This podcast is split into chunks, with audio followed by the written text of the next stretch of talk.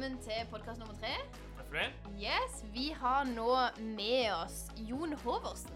Yes, yes. Ja, Og som vanlig Johannes Kjøstvedt, sidekick. Hallo. Det, har blitt min, det har blitt min greie nå. Det har blitt din Ja, greie nå, At faktisk. eh, når du introduserer meg, sier jeg hallo og ingenting mer. Jeg vet det. jeg vet det. Men det er sånn, det er sånn du er. Det Ja, liksom, jeg vet liksom det, jeg liker ja, det. ja, du liker. Du er, du, Takk. er ja, altså temaet i dag er vel egentlig grillen kristen.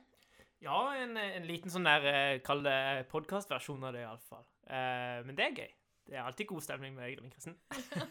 det er veldig, veldig positivt. Det liker vi. Det er alltid god stemning. Vi har fått inn litt spørsmål fra Instagram. Vi hadde òg noen fra før av som vi skal spørre.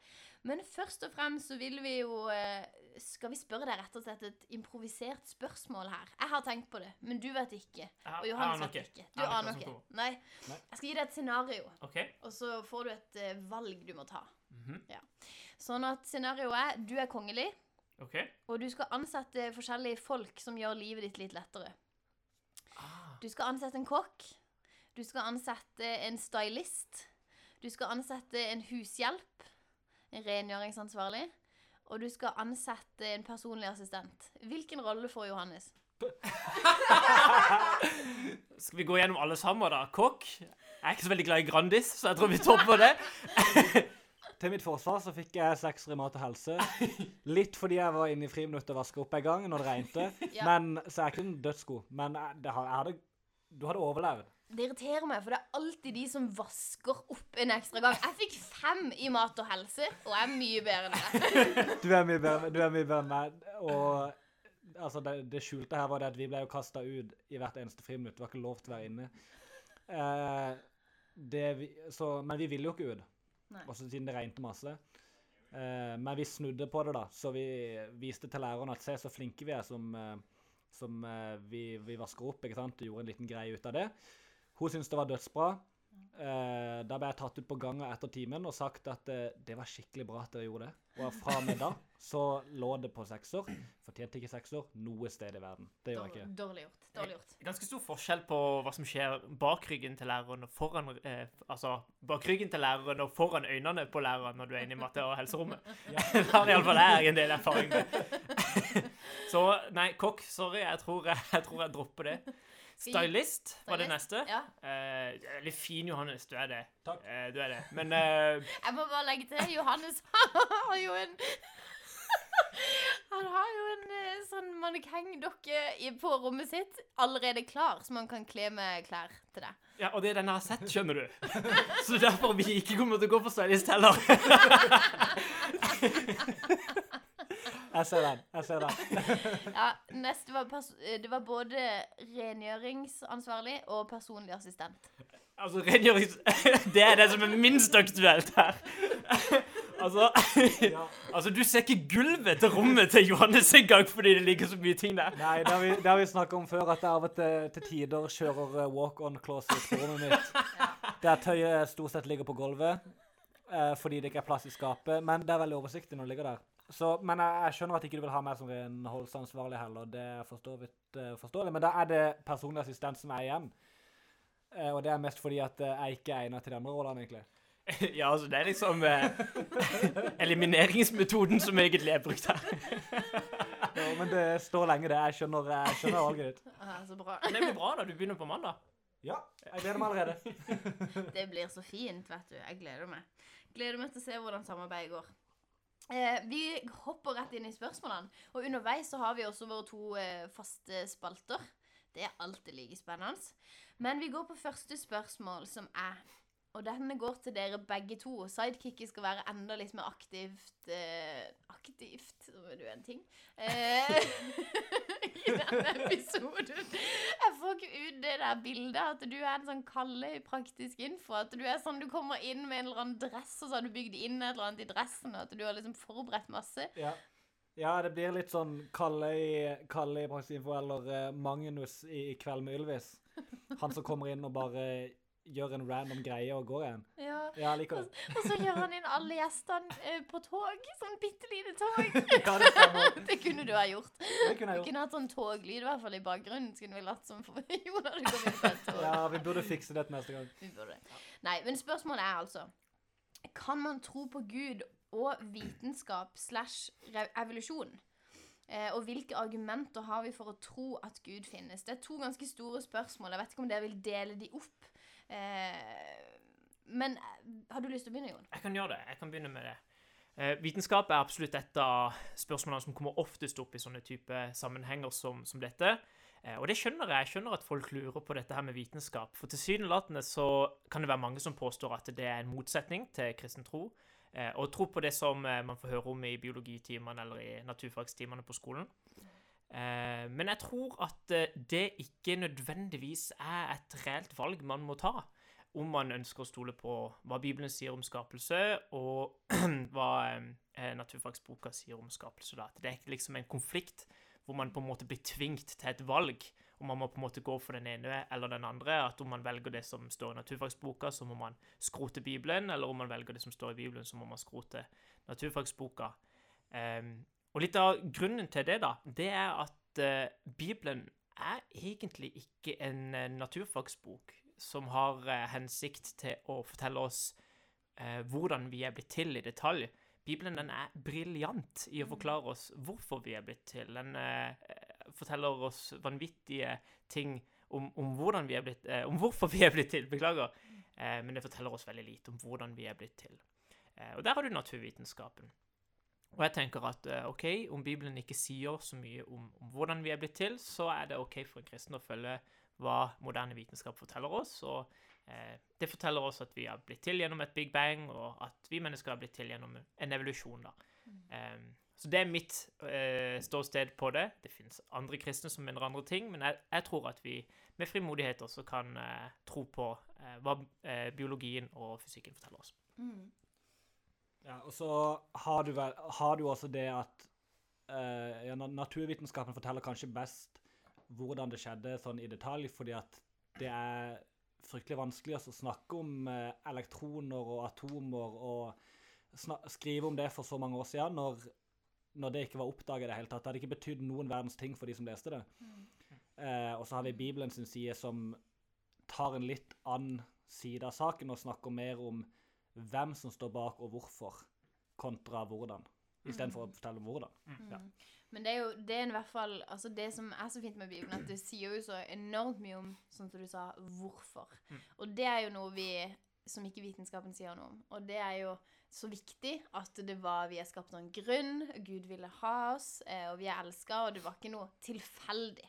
Eh, så det er jo veldig fint. Og så går jeg videre til andre del av spørsmålet. Hvilke argumenter har vi for å tro at Gud finnes? Ja, kjempegodt spørsmål igjen. Eh, jeg tror at det finnes et flust av argumenter for å tro at eh, det finnes en skapergud. Noen vil, vil vise til en, en opplevelse av å eh, oppleve at Gud er med i hverdagen, at Gud svarer når man ber, at man opplever undre og eh, store og små ting med Gud i hverdagen. Og det er en helt legitim måte å tilnærme seg Guds eksistens på. Eh, samtidig som at du har en rekke argumenter, da, som, sånn hva skal man si, litt mer filosofisk oppbygde argumenter. Eh, og mange av de tar faktisk bruk av vitenskapen for å kunne argumentere for en skapergud. Eh, og, og det er egentlig litt interessant, for det gjør jo at man på den ene sida, eh, som man kanskje før har gjort, da, å frykte vitenskapen til å se at vitenskapen er jo faktisk et, et opplegg til å tro på en skapergud. Te- Tenk over det. Eh, vitenskapen de siste årene har kommet fram til den ekstreme finjusteringa som eh, beskriver universet vårt, at strukturen på universet vårt er så finjustert eh, at det vil være ekstremt det, vil kreve ekstremt mye tro å tro at eh, universet skulle være så finjustert av tilfeldighet. Eh, den finjusteringa, designet over universet, det, det roper etter en designer som har stått bak det. Eh, og, og tilfeldighet blir i eh, i dette tilfellet en veldig dårlig forklaring på det finjusterte eh, universet vi ser.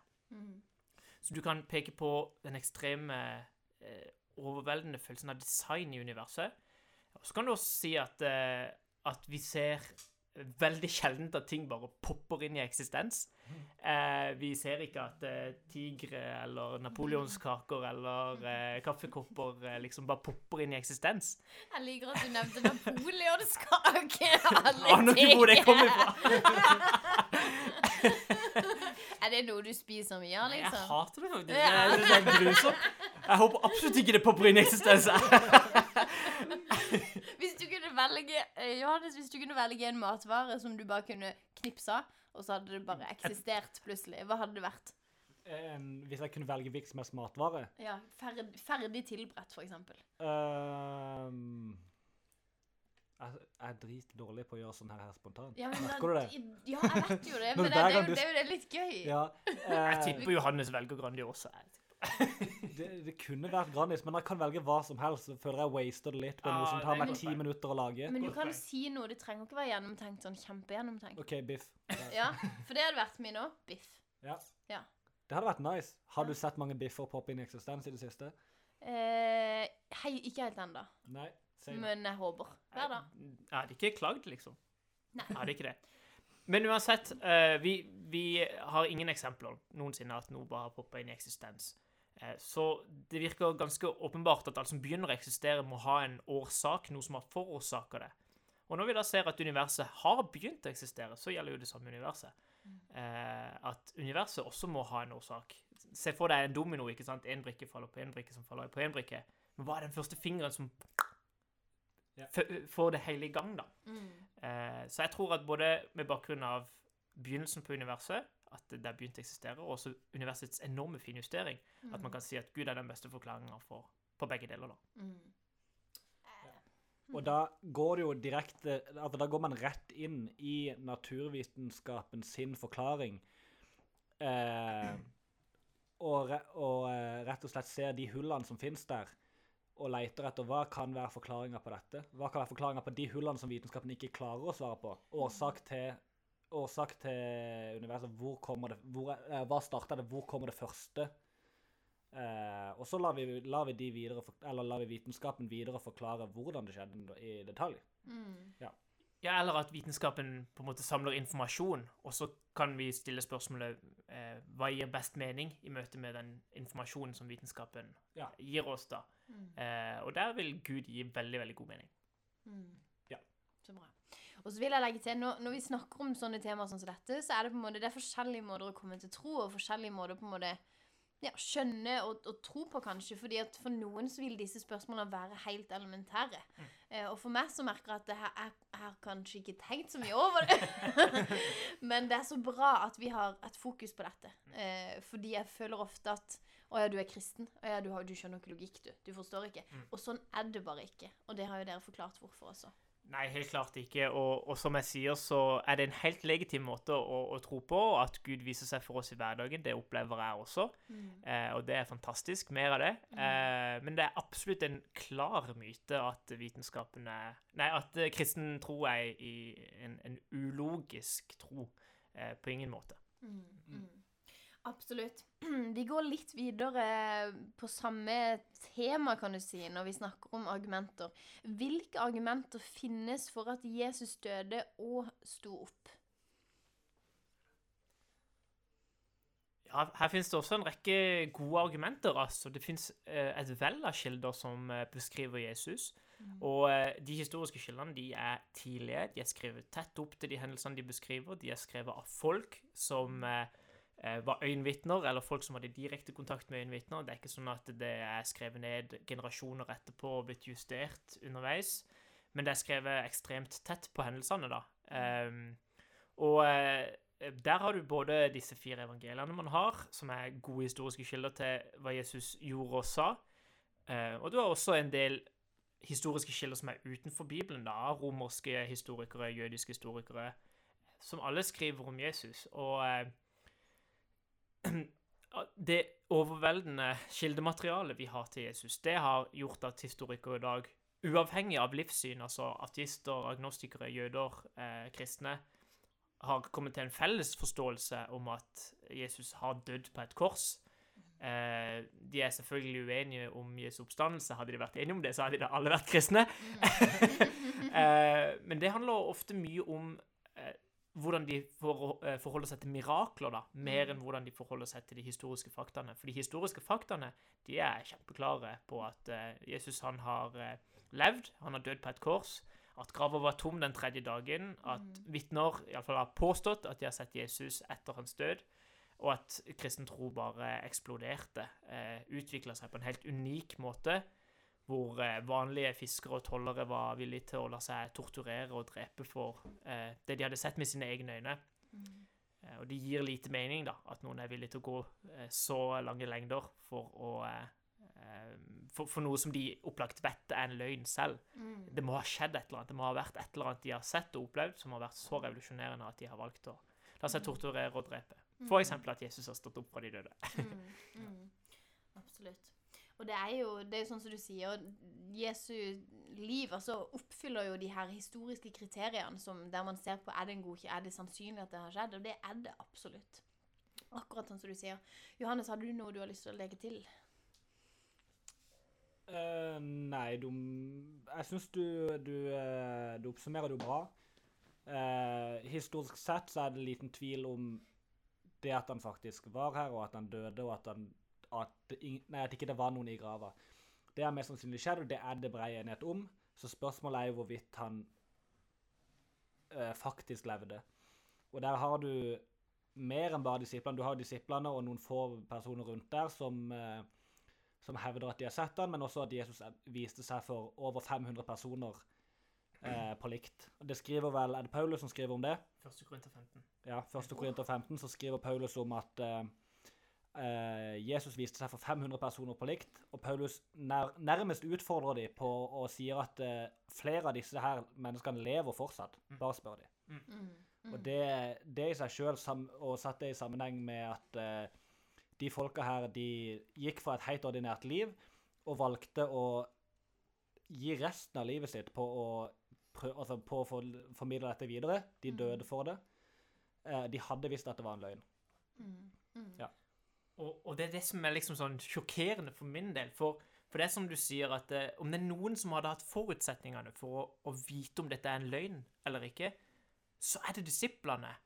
De var der de var der da det skjedde. Det er de som var tettest på, og det var de som ville ha visst om dette her bare var oppspinn. Men at ingen av de, ikke en eneste av de, mot slutten, altså på enden av torturen, ga opp og sa at det var en løgn. Det er noe vi har funnet på. At ikke én av de har gjort det, det er for min del umulig å forstå dersom det skulle ha vært en løgn. Mm. Og hadde de gjort det, eller hadde en av de 500, altså de 500 menneskene som Jesus viste der for likt, hadde en av de knukket, sagt at uh, det her er en løgn, vi fikk, uh, vi fikk uh, fryktelig mye penger for å si dette her, og her, hadde en av de knukket, og det er snakk om 500 mennesker, altså det er fryktelig mange. Eh, sjansen for at en av de knekker hvis det hadde vært en løgn, den er ganske stor. Og hadde han gjort det, så hadde kristendommen aldri blomstra opp på den måten som vi har sett at han har gjort i ettertid. Eh, mest sannsynlig, da. Da hadde den blitt avvist veldig kjapt. Mm. Altså, altså lyver man, så gjør man det av et motiv, ikke sant? Man, man Ja. lyver som regel ikke for, for gøy, spesielt ikke når det er dødstrusler på ferde. Dødstrusler er ikke veldig gøy, liksom. Så, så når man lyver, så har man jo et motiv, eh, og et sånn type motiv er vanskelig å finne hos disiplene, annet enn at de oppriktig trodde på dette her, de oppriktig hadde sett dette her. Ja. Mm. Så eh, ja, du kan gå grundig til verks i historien om Mm. Jesus eh, fra et historisk perspektiv og finne ut av at eh, teorien da, om at Jesus tok fra de døde, er ekstremt bra. Mm. en person personen påstår at han er Gud, og står opp fra de døde, så bør vi Mm. kanskje også lytte til hvilke andre ting han har å si også. Ja. Ja. Veldig, veldig godt poeng. Vi, altså, om Jesus har stått opp fra de, døde- om Jesus sto opp fra de døde, så er det jo ingen tvil. Da er det jo ikke en diskusjon lenger i det hele tatt. Kan et menneske dø og, og be, be, bekjempe døden og, og stå opp igjen, Mm. da er det jo ferdig snakka uansett. Mm. Jeg tenker. Da er det ferdig snakka i Johannes sine ord. Ja, Men eh, nå skal dere høre en fin link her. Apropos sanne historier. Eh, vi går over til spalte nummer én. Tilståelser. Der vi altså Vi gjorde dette forrige uke også. Der vi tilstår noe som vi har gjort eh, i løpet av uka. Kanskje vi ikke er så stolte over. Og så finner vi ut eh, hvem er det som har skylda. Rett og slett. Eh, og så får vi det liksom eh, Vi får liksom løfta det av oss sjøl, så blir vi liksom ferdig med det. Har du en tilståelse fra denne uka? Har vi veldig god tid i denne podkasten, eller? Jeg tror skal vi, skal vi liste opp alt, så har vi blitt stuck her en god stund. OK, vi holder oss til én. Ja, Ja. Godt poeng. godt poeng. Nei, det må ha vært eh, jeg Kanskje jeg må ta det som skjedde i går, da. Eh, jeg var på vei til Misjonskirka i Grimstad i går, faktisk. Jeg var en tur der og hang. Eh, ikke bare hang, eh, vi hadde en sånn grillingkristen der også i går. eh, om ikke så er det sikkert veldig gøy å henge der også. Eh, Shader du Grimstad? nei, jeg shader ikke. Nei. Nei. Nei, jeg gjør ikke det. Det ville vært dumt å gjøre. Mange hyggelige folk fra Grimstad. Eh, men på vei dit, da Jeg spiller sånn Quizkampen. Jeg vet ikke om dere spiller det? Ja. Ja, eh, der må, Folk må jo gjerne ut, uh, utfordre meg på Quizkampen, om de tør. Eh, Jon.Havers. Det er jo bare å fyre løs med, med, med utfordringer der. Johannes har ikke tørt ennå, så vi får se om han eh, Ja, Det er ikke utenkelig at det skjer uh, i løpet av de neste timene. Jeg. Jeg ser det lyser i øynene dine nå, faktisk. Det gjør det. det, gjør det. Stemmer. Nei, men eh, på vei ut dit, da, så, eh, så kjører jeg bilen. Eh, og så kommer det opp en sånn, eh, sånn varsel da, med at din kamp utløper om 59 minutter.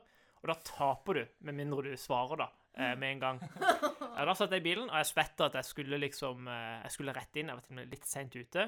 Så jeg var liksom på vei dit, og jeg visste at om jeg ikke svarer i løpet av bilturen, så kommer jeg til å tape den kampen. Og det gidder jeg ikke, for såpass konkurranseinstinkt det har jeg. Så det endte opp med at jeg spilte det der quiz-kampen da, mens jeg prøvde å navigere meg rundt i trafikken. Eh, kanskje, ikke, kanskje ikke det beste å gjøre, men eh, det anbefales ikke. Eh, alle kan tjene herren, de verste av oss som dårlige eksempler. eh, så ikke gjør det, altså. Jeg er ikke stolt over det. Det, det, er, det er jo ikke helt optimalt. Nei. Det oppfordrer vi ikke til. Men, men hvis du skulle på en måte Hvem var det som fikk deg til å ville spille quizkampen akkurat da? Altså kunne du på en måte gitt Er det noen som har skylda? Altså, det var en kveld med Henrik eh, her eh, forrige uke, tror jeg det var, hvor det ble innleda, eh, egentlig. Ja, det var egentlig det. Så det Ja. Han har vært ganske, han har vært ganske hypp på, på den uh, quizkampen. Men jeg tror det var han som innleda til det, faktisk. Henrik, ikke, ikke gjør det. Uh, det er ikke greit. Eh, nei. Nei. Jeg tror vi da, har vi da har vi din tilståelse. Vi går over til Johannes sin. Ja, det er min tilståelse. Den er faktisk fra i dag. Eh, nå blir dette her lagt ut noen dager seinere, men, men eh, den er fra i dag, og det er tilståelsen om at jeg har begynt å drikke jentekaffe. Nei! Og da, jentekaffe, altså, nå- Fram til nå så har det vært eh, sort kaffe eh, så langt eh, det går. Jentekaffe er da sånn kaffe der du liksom mikser ut sånn krem med masse, med masse melk og styr oppi. Sånn som en, en, altså basically en kaffe med 90% melk. Stort spørsmål er jo Altså, du liker denne kaffen. Vil du si at du liker den bedre enn svart kaffe? Det er ganske digg, ja. Det må jeg si. Altså, jeg må jo si, hvis du får lengre hår nå og sånn òg eh, Det er jo Ikke begynn på dette her. Kan bli skummelt. Du er ikke helt, eh, du er ikke helt eh, fullført ennå. Du har ikke lagt det ut på Pinterest og Instagram og sånt. eh, da. Nei? På Pinterest, faktisk. Nei, jeg, Du er ganske aktiv der, er du ikke det? jeg er ikke så aktiv på Pinterest.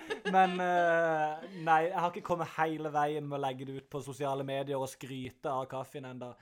Men eh, ja. Det er jo det beste. Hadde du gjort det, så hadde jeg vet ikke hva det hadde er Intervention. Du hadde fått en like fra meg. En like fra Jon og intervention fra Sara. Ja, jeg bare det irriterer meg når det er sånn alle skal prøve den kaffen. Og så er det sånn, så ser jeg på det glasset. Det glasset er så fullt. Du får ikke, du får ikke tatt, og, tatt det ut i Altså, du får ikke rørt det ut engang. Det irriterer meg veldig. Det er ikke praktisk. Det er bare fint på Instagram. Og så er det ikke godt. Det smaker jo ikke godt. Sorry. Det smaker jo heit, Det smakte helt nydelig. Det gjorde det. Hvis det er lov å si. Ja, lov å si.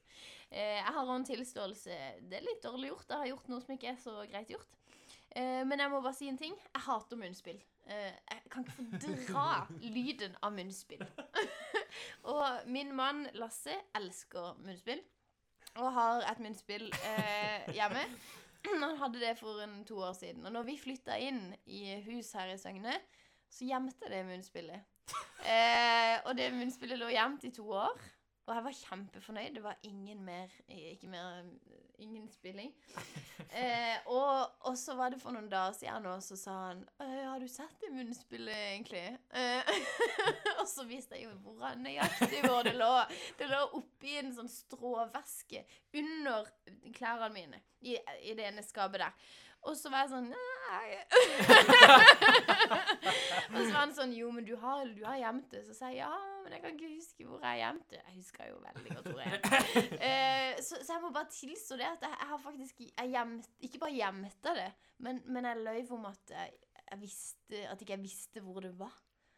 Ja. Ja. Det er ikke, det er ikke greit. Det er ikke greit. Nei, det er ikke greit. Men han, altså, om ikke han har fått vite det til nå, så har du i hvert fall fortalt det gjennom den podkasten her. Ja, jeg har jo i hvert fall det. Eh, Men det var jo bare etter Henrik sa til meg at han gjemmer alltid ting under liksom der klær, Ja, klærne henger. Eh, og han har en strå, stråveske der han gjemmer ting, da. Så det er jo egentlig Hades feil at jeg gjorde det helt til å begynne med. Ja, men det gir mening. Ja. Ja, de er Ja. absolutt mening, det. Ja. Enig i den. Ja. Enig i den. ja, vi konkluderer med Vi det. konkluderer med det. Det er så fint. OK, vi går videre på spørsmål nummer tre. Kan Gud, og dette er et interessant spørsmål Kan Gud skape en stein så stor at han sjøl ikke klarer å løfte den? Um, det det er jo et spørsmål som er litt rart å svare på. Fordi at spør, eh, og da vil jeg jo si fordi spørsmålet har en logisk brist i seg sjøl. Eh, litt som å spørre om Gud kan lugge en skalla mann, eller, eller Under armen. Ja. det, det kan jeg forstå. Men kan Gud lugge en skalla mann på hodet, da? Ja, stemmer. Eh, så jeg, jeg vet ikke. Problem, problemet ligger jo i, om, i at spørsmålet har en logisk motsetning i seg sjøl. Eh, som gjør at det er litt rart å svare på. Nesten.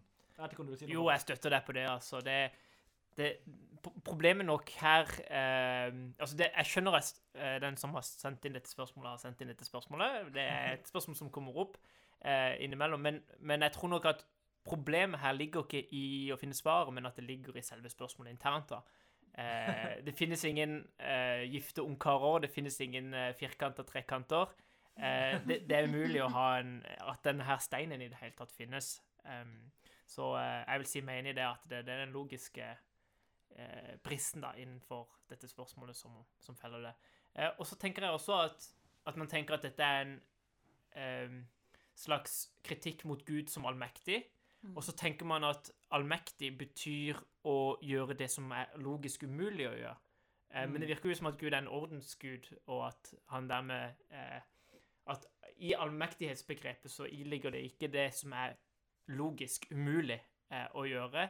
At Gud kan ikke tvinge noen til å frivillig følge han, f.eks. For eksempel. Fordi at eh, frivillighet og tvang er to helt forskjellige ting.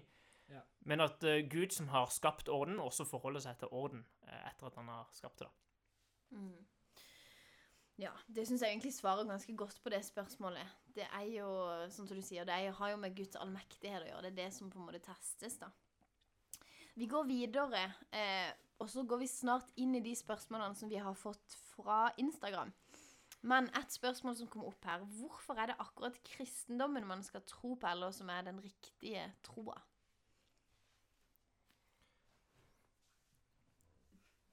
Du ler Jeg hadde litt, jeg hadde litt lyst til å ta et skikkelig køddesvar der, men jeg, jeg, jeg tror jeg skal droppe det. Jeg er veldig spent på hva det svaret. Nei, det tror jeg vi får ta en annen gang. Nei, nei, jeg, jeg hadde tenkt et eller annet sånt. Ja, men eh, da kunne du ikke hengt med oss. Nei, jeg, Nei, jeg glemmer jo, det kunne du. Det er det man, det er det man kunne, vet du. Så det er det som Det, det vil ikke gå. Nei, det er helt sant. Oi, oi, oi. Ja, ja. Eh, men hvorfor akkurat kristendommen? Godt, godt spørsmål. Um, Mm. og jeg, jeg må jo si at dette er kanskje det spørsmålet jeg sleit aller mest med i begynnelsen av mitt kristne liv. Jeg ble kristen for uh, syv, godt over syv år siden. Uh, Syv-åtte år siden. Um, og, og det var liksom det første som møtte meg, var at eh, jeg hadde mange venner i da min menighet som jeg gikk i, som var kristne, som oppriktig og lidenskapelig trodde på Jesus. Samtidig som at jeg var ganske aktiv i fotball og håndball, og mange av mine venner der trodde oppriktig på noe helt annet. De var muslimer. De trodde på Allah og profet Mohammed. Og jeg husker det var en sånn der forvirrende periode hvor jeg ble litt sånn der eh, Åh, hva, hva er det som er sant, liksom? Hva er det som eh, eh, Hva er det som har hold i seg? Og jeg husker at det var noe som på en måte nesten plagde meg, altså. Fordi at jeg var så forvirra og frustrert over at jeg ikke fant ut av det. Ehm, så eh, jeg spurte om hjelp, eller jeg spurte noen om hva de tenkte om det, og ble på en måte pekt i eh, noen retninger, hvor jeg ble liksom oppmuntret til å sette meg inn i hva sier kristen tro om ulike ting, hvilke påstander er det ehm, kristen tro kommer med? Kan de falsifiseres? Kan de Ikke sant? Og så videre og så videre. Mm. Um, og hva sier muslimene? Hva er det de tror på? Kan det undersøkes? Så jeg begynte egentlig å undersøke begge deler, Mm. uh, og fant ut da etter hvert at det historiske materialet rundt Jesus uh, spesielt var såpass overveldende at det at han har stått opp igjen fra de døde, var mye mer enn en bare en fin historie eh, eller vakker poesi eller enn, men, men det er også sant, da. Det har skjedd. Mm. Eh, når Jesus påstår at han er den eneste veien til Faderen, det er ingen som blir frelst utenom gjennom ved han, Mm. eh, og faktisk beviser og bekrefter sine påstander i oppstandelsen, så er han virkelig verdt å følge. Eh, han er troverdig. Han er min troverdig. Han er deres troverdig. Eh, fordi at han har stått opp fra de døde og dermed bekrefta at han er den han sier han er. Han er Guds sønn. Han er veien til, til Faderen. Eh, og ved å være såpass eksklusiv som Jesus er Han sier ikke at han er en av mange veier, men han er veien. Mm. Eh, så vil det også nødvendigvis ekskludere de andre trosretningene. Mm. Så det er grunnen til at jeg er kristen. Det er at jeg er overbevist om at historien om Jesus Mm. eh, den er eh, troverdig. Den er sannsynlig at det er sann, eh, Mm. og det er fantastisk. Mm, mm, mm. Veldig, veldig fint. Veldig fint. Jeg tror vi faktisk hopper litt videre. Vi har eh, litt eh, flere spørsmål vi skal innom. Og neste spørsmål Jeg tror jeg tar og slår sammen de to spørsmålene, for de er veldig like. Og det har med det ondes problem å gjøre. Eh, så spørsmålet blir da Hvordan kan Gud være god når korona eller kreft dreper så mange? Det er et ganske vanskelig spørsmål. Jeg vet ikke hvem av dere som har lyst til å begynne. Det ondes problem.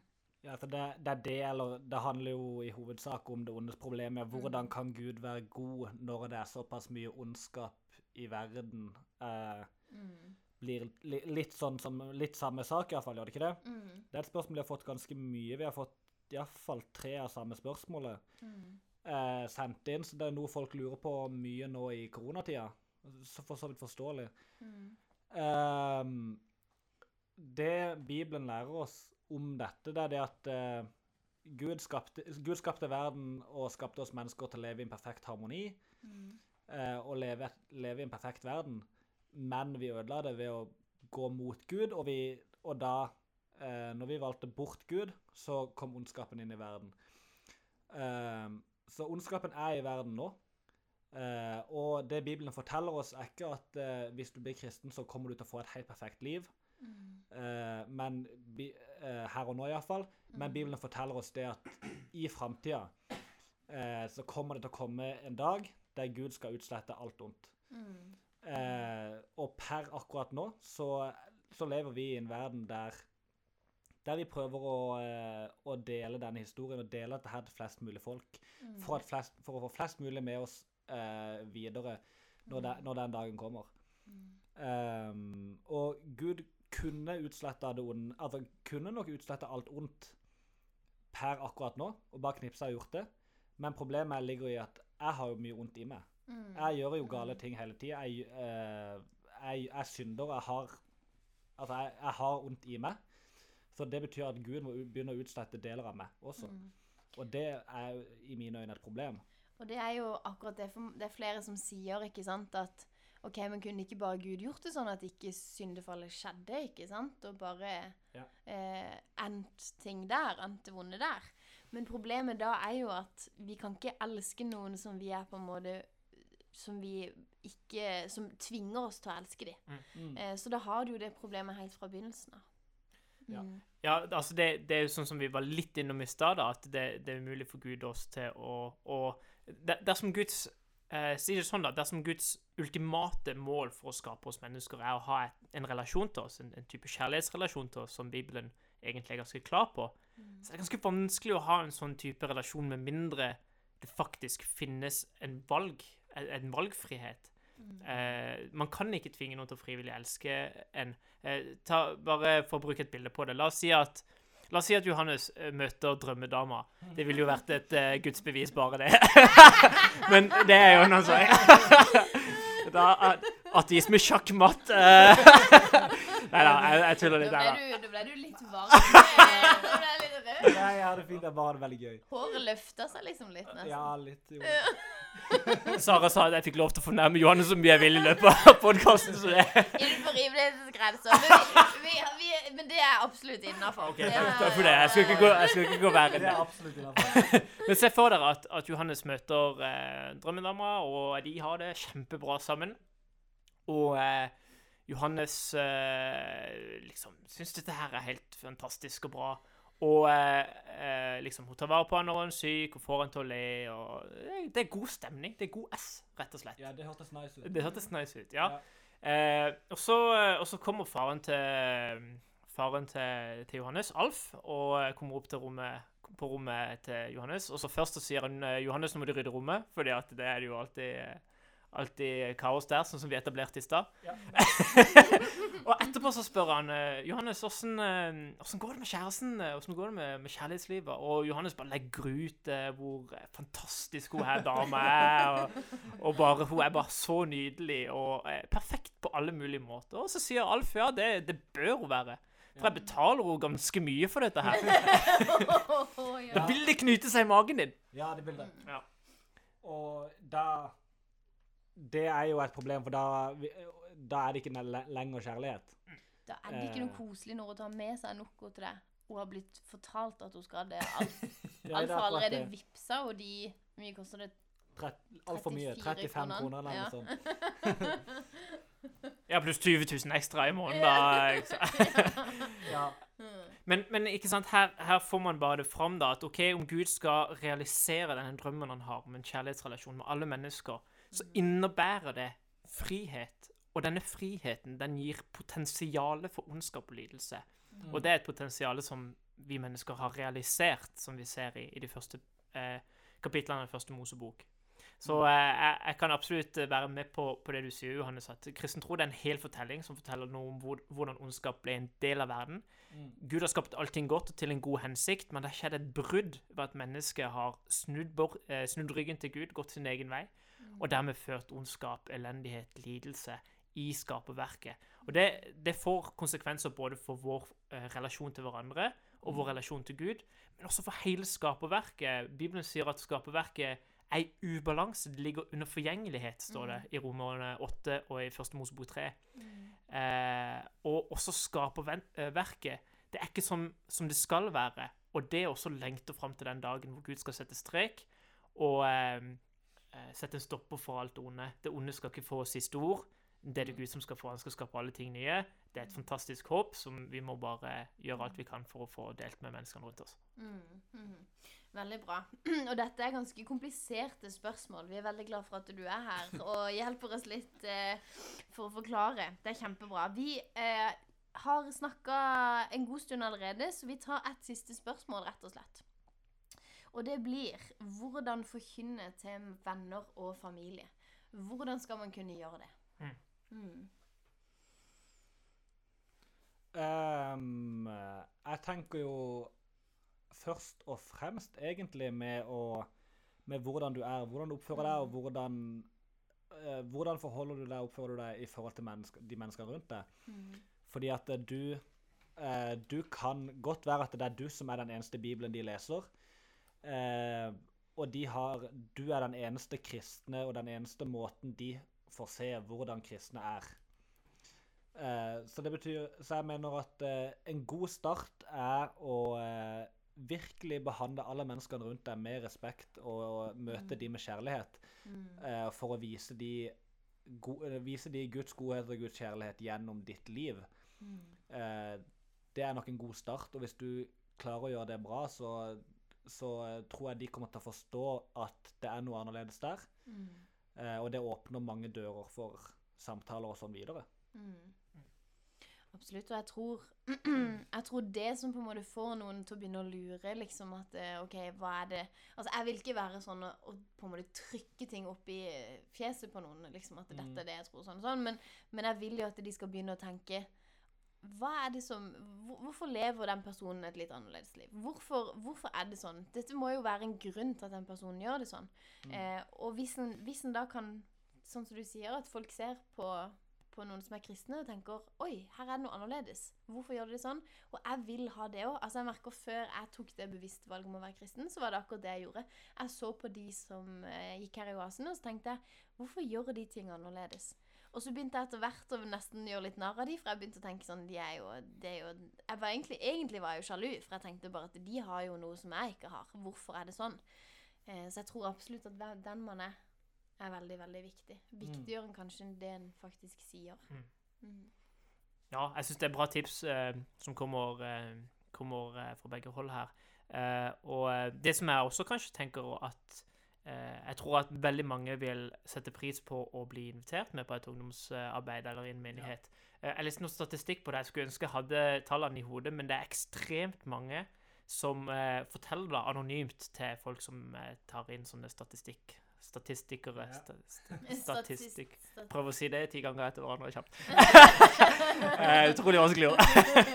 Men noen som har, har Altså, så de har samla inn materiale på det. Det er ekstremt mange, mange mye flere enn det, jeg tror, eh, enn det jeg trodde før jeg hørte det, som har sagt at ja, dersom jeg hadde blitt invitert med på en gudstjeneste eller på et møte, så hadde jeg sagt ja. Åh. Eh, og eh, det er bare utrolig trist at vi faktisk ikke når fram til de og faktisk tar og inviterer de. Så jeg tror at vi kan være jeg tror at vi kan være modige i å invitere med flere på, på møter. Det verste man kan få, er et nei. Ja. Og som regel så syns folk det er hyggelig å bli invitert uansett. Mm. Så eh, det, det tenker jeg kanskje er det ene. Mm. Eh, Det andre er at når tiden er moden for det, så eh, er det lurt å prøve å stille et par spørsmål også. Hva Mm. tenker du i forhold til tro? Hva tror du på? Hva tenker du om Jesus? Mm. Um, og så er det klart det at om man prøver bare å dra og, og tvinge samtalen i gang, så er det kanskje verdt å eh, prøve en annen gang. Men eh, jeg tenker at også når tiden er moden for det, ta, så prøv å finne litt ut hva er det som hindrer de fra å gå i kirka, hva er det som hindrer de fra å tro på Jesus, hvilke Mm. ting syns de er vanskelige. Eh, så ta de spørsmålene og de tankene de har på alvor, og være en som lytter da, til det. Mm. Det tror jeg vil være en god ting. Og ofte så har de jo har det med at de har et feil bilde av Gud. Altså den guden som de tror fins, er ikke den guden som fins. Mm. Eh, og da får man liksom jeg tror, jeg tror det er kjempeviktig når man er nærme nok, at man kan spørre de spørsmålene. Mm. Og så ofte så merker jeg i sånne situasjoner så er det vi som kristne som får liksom Ja, men hvordan kan det funke? Altså vi får de tøffe spørsmålene, men det er lov å stille tøffe spørsmål tilbake. Altså sånn Hvor er det Mm. du får din verdi? Hvis ikke du er Altså hva, er- hva er det som gjør at du er verdifull, da? Mm. Eh, og det er noe som jeg fortsatt ikke har fått noe svar på, eh, som er kjempeinteressant. Ja, dersom Gud ikke eksisterer. Mm, Ja. mm, hvor, hvor kommer verdien fra da? Mm. For det vil alltid være noe som ikke er absolutt, og noen At det vil være kanskje en person da, som ikke du kan stole på at Mm. alltid vil Ja, at det, det vil være mennesker som gir den verdien i stedet for noe absolutt, i stedet for en gud. Men eh, ja, vi ser på hvem vi Så det er viktig hvem man er, at man lyser ut Jesus med hvem man er, eh, og at man kan ta de samtalene etter hvert. Mm. Eh, Det er kjempeviktig. Helt på slutten så har vi eh, vår faste spalte Ukas helt.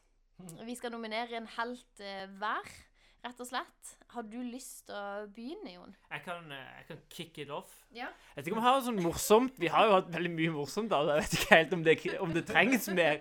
Eh, men jeg har en eh, vaskeekte helt. altså. Eh, jeg har en, eh, en kompis fra Ålesund som eh, er en eh, ekstremt fin eh, fyr. Og han har hvert år da, så har han hatt en sånn en, eh, eksamenskalender. Mhm. Ikke at han har hatt eksamener sjøl, han har jo hatt det, men det er jo noen år siden. Eh, men han har en eksamenskalender hvor han eh, setter seg ned og ber for absolutt alle som skal ha eksamener, da, som ønsker å være med på den kalenderen.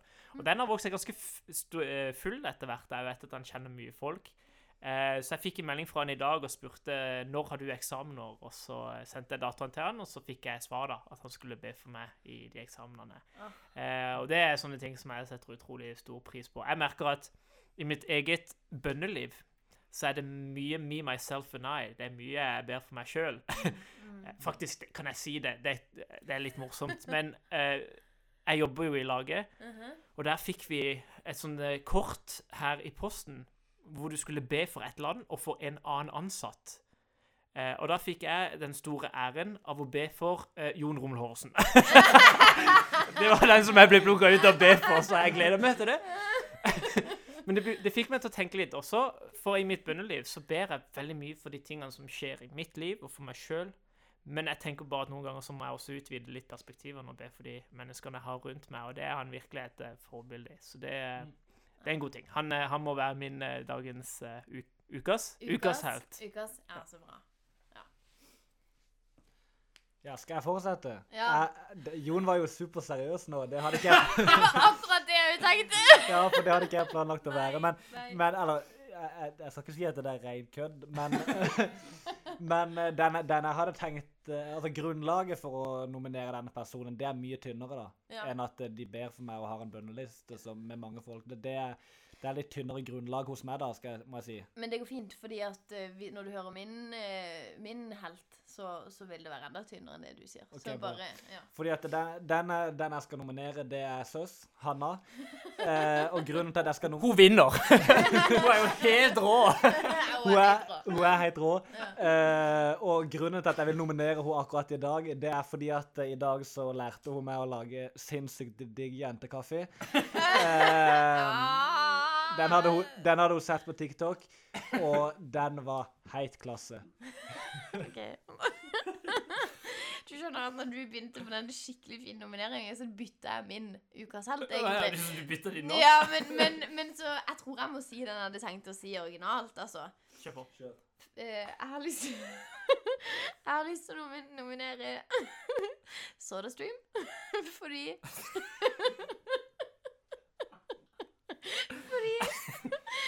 har kjøpt eh, Jeg har eh, hatt Beklager. Jeg har hatt Jeg har et sånt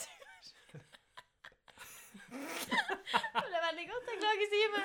Det er veldig bra. Jeg tror jeg ikke fant så mange flasker. Sara gråter over SodaStreamen for jeg er så eh, takknemlig. Ja, veldig takknemlig. Men hvem er vinneren, da? Jeg tror ikke det er SodaStream, men, men hvem er vinneren? Hvem er helten? Nei, altså Jon har det beste grunnlaget, Ja. iallfall fall her, og han hørtes ut som en uh, klassetype. Ja. Helt klart. Så jeg tror vi må, vi må si det sånn. Ja, Shoutouts til Bjørni. Du er en eh, rå mann. ja, det er fint. Da tror jeg vi runder av. Eh, Jeg skal ut og tørke tårene. Eh, Sitter her i koronaantrekk, eh, joggedress og, og, og glatte tårer. Men det er fint. Det er en fin dag. Eh, Vi runder rett og slett av. Sier takk til deg. Tusen takk for at du var med oss i dag. Jo, det var hyggelig. Veldig, eh, veldig bra å ha deg med på laget når vi har disse kompliserte spørsmålene som, eh, som du er ekstremt dyktig på. Takk, det var hyggelig. Så bra. Da sier vi ha det, og så ses vi i neste pod. Yes! Yes!